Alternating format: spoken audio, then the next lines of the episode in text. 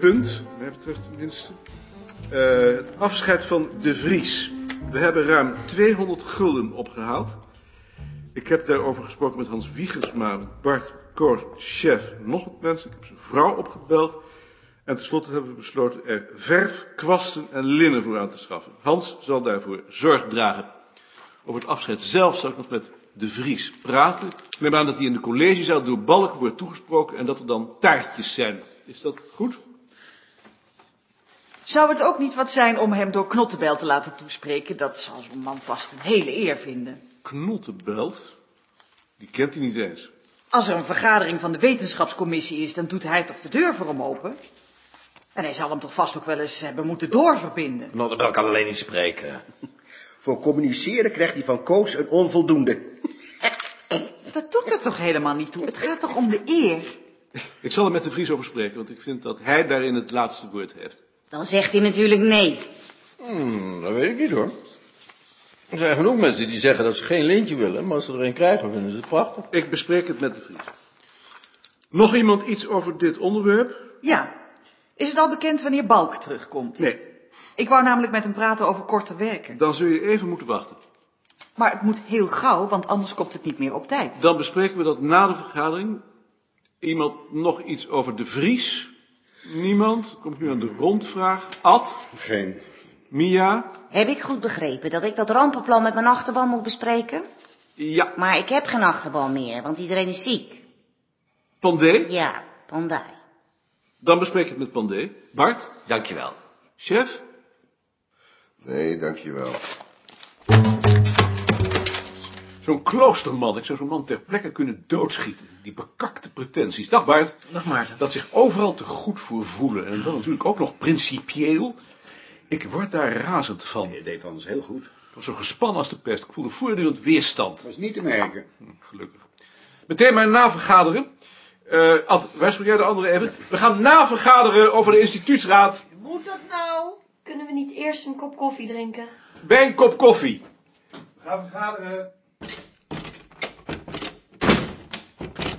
Wou je nu over mijn werktijden praten? Hallo. Dag, chef. Hij zag zichzelf weerspiegeld in de raadjes van de loge. Gezeten achter zijn schrijfmachine, aantekeningen en boeken om zich heen. Alleen als hij zich naar voren boog tot vlak bij het glas, kon hij de hal inkijken. Het gaf hem een vaag geluksgevoel. Alsof de loge een vrijplaats was die hem door haar beslotenheid onbereikbaar maakte. De gedachte dat hij hier jaar in jaar uit zou zitten met geen andere taak dan het openen van de deur en het opnemen van de telefoon leek uitzicht te geven op een bevredigender leven dan het zijne. En hij begreep niets van zo'n zak als kloosterman die zich net zo goed voor voelde. Tevreden over deze gedachte boog hij zich weer over zijn machine, herlas de laatste alinea. Jij moet zeker carnaval? Ja, Hoe gaat het hier nu? het gaat heel goed. Je kunt hier best werken. Nee. Je hebt eigenlijk alles bij de hand. Het is eigenlijk ideaal. Nou, gelukkig dan maar. Het rumoer van stemmen drong door de klapdeuren de loge binnen als van achter glas. Tot iets aangenaam vervreemdends. Ik kon zich voorstellen dat iemand als de Vries zich daar prettig bij voelde. Geamuseerd zette hij zich achter zijn schrijfmachine en roerde langzaam in zijn koffie, luisterend naar de geluiden uit de koffieruimte.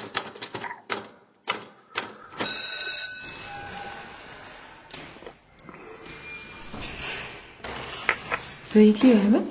Ja, graag. Moet je straks niet afgelost worden? Nee. Ik wil hier vandaag blijven zitten. Om te kijken hoe dat is. Met het bureau? Wilt u me verbinden met professor De Rode? Een ogenblik. Met De Rode. Bart, hier is iemand die professor De Rode wil spreken. Daar zal hij mij wel mee bedoelen.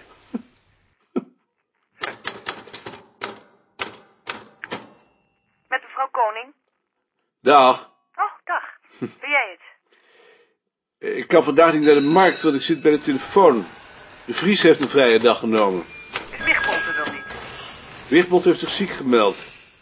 Gisteren tegen hem gezegd dat hij vandaag bij de telefoon moest zitten. Dat is toch verschrikkelijk, zo'n man. Dat is verschrikkelijk. En goud heeft vakantie. Dan kun je dan tussen de middag ook niet weg? Dat kan wel, maar ik wil eens weten hoe het is om hier een hele dag te zitten. De Vries gaat ook nooit weg. Echt iets voor jou. Je moet altijd overdrijven. Maar ik vind het ook leuk. Ja, dat is het juist. Je vindt het nog leuk ook. Met je moeder. Het leuke is dat het enorm relativeert.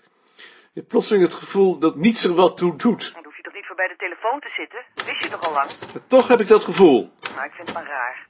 Dus ik kan niet naar de markt vandaag. En je komt toch zeker wel op de gewone tijd thuis? Als Sparreboom er is. Anders moet ik sluiten, maar die zal er wel zijn. Die is er altijd. Dag, meneer de Koning. Bent u hier maar een keertje gaan zitten? Dag, meneer Sparreboom. De Vries is toch niet ziek, hoop ik? De Vries heeft een dagje vrijgenomen. Och, dat mag ook wel eens. Hij zit hier altijd maar in dat kleine hokje. U zit toch ook in een klein hokje? Maar ik heb nog een raampje. Boven uw hoofd. Daar heeft u gelijk in. Boven mijn hoofd. Nou, kom, ik ga maar weer eens aan het werk. En ik aan het mijne. U sluit vanavond wel af?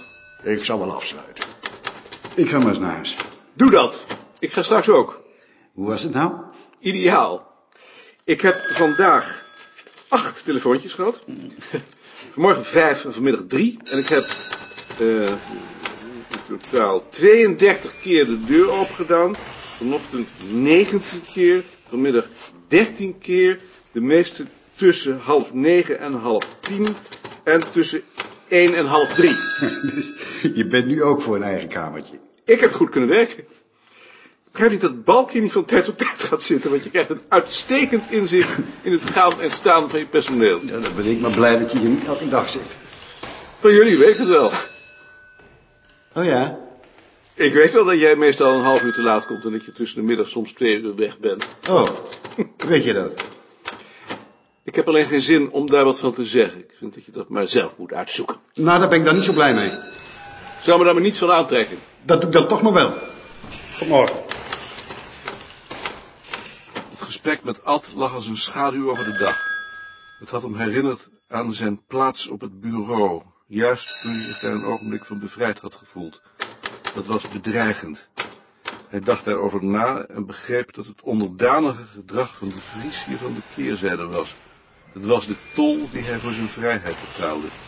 Het inzicht dat hij op een plaats had gezeten die hem niet toekwam, vervulde hem met voldoening, zo simpel als het was, en gaf de dag iets van zijn glans terug, al zou hij in zijn herinnering niet meer worden wat hij geweest was.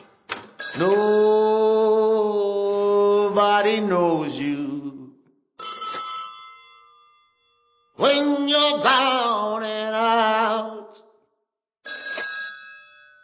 and all je vrienden die lieden je zakken. Jaring. Goedemorgen. Ik heb weer een gesprek met Ed gehad. Ja? Hij vroeg me of hij toch geen vaste aanstelling kan krijgen, omdat hij hier al zo lang is. Maar hij weet toch dat dat niet kan? Hij heeft net weer een half jaar of een jaar, hoeveel is het, in Saltpoort gezeten. Ja, Wat heb je gezegd? ik heb gezegd dat ik het met jou zou bespreken. Dat heeft weinig zin. Nee, Als het aan mij lag, kreeg hij morgen een aanstelling. Ik krijg hem alleen niet door de keuring. Met zijn verleden.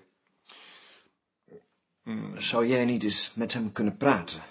Misschien dat hij het van jou wel aanneemt. Ik wil wel met hem praten. Is hij er? Ja, hij is er.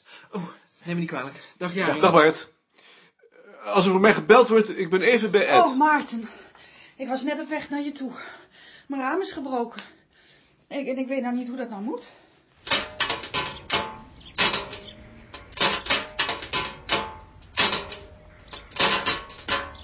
Moet je kijken, joh. Heel stuk uit de ruit. Heeft het raam opengestaan? Nee, joh. Dat is het juist. Ik denk dat er spanning op heeft gestaan. Kan dat? Omdat het huis verzakt. Oh, nee. Dus straks stort alles in? Dat is niet onmogelijk. Ik zal tegen Pandé zeggen dat hij de Rijksgebouwendienst waarschuwt. Maar kan ik hier dan wel blijven zitten? Als je het raam maar dicht laat. En dat andere raam? Dat kun je open doen. Ik waarschuw Pandé wel even. Dag Ed. Is Joost er niet?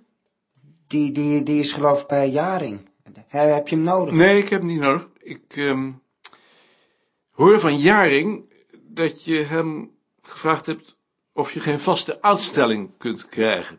Ja, dat zou ik wel fijn vinden. Jaring heeft niet gezegd dat we geen vacature hebben. Nee. Hij zei dat hij het met jou zou bespreken. Maar we hebben geen vacature. Ja, maar, maar ik, ik dacht, nou, dat, dat dat geld dat ik nu krijg daarvoor misschien gebruikt kon worden. Dat zou op zichzelf al heel moeilijk zijn, nu met die bezuinigingen. Maar we zitten bovendien met je keuring. Ja. Hoe lang ben je nou weer weg uit Zandpoort? Vijf maanden. Eh, Bijna vijf en een half. En nu zit je weer in een opvanghuis? Ja. In, in een opvanghuis. Maar, maar het gaat nu wel weer veel beter. Waar is dat opvanghuis? Eh, In de Bijlmer. In de Bijlmer. Oh, maar maar ik, ik, ik vind het er wel prettig hoor. En ehm, je studie? Eh, da- daar eh, wilde ik binnenkort weer aan beginnen. Ehm, als je nou eerst eens je studie afmaakte, dan toon je dat je je situatie weer zelf in de hand hebt en dan kunnen we dat als argument gebruiken. Denk je? I- Ik weet het niet, maar ik kan het me voorstellen. Ja. Eh, in ieder geval kun je er zeker van zijn dat ik zal doen wat ik kan om je hier te houden. En dat ik de eerste gelegenheid zal aangrijpen om je hier vast te krijgen. Meer kan ik ook niet doen. Nee. Dankjewel. Maarten.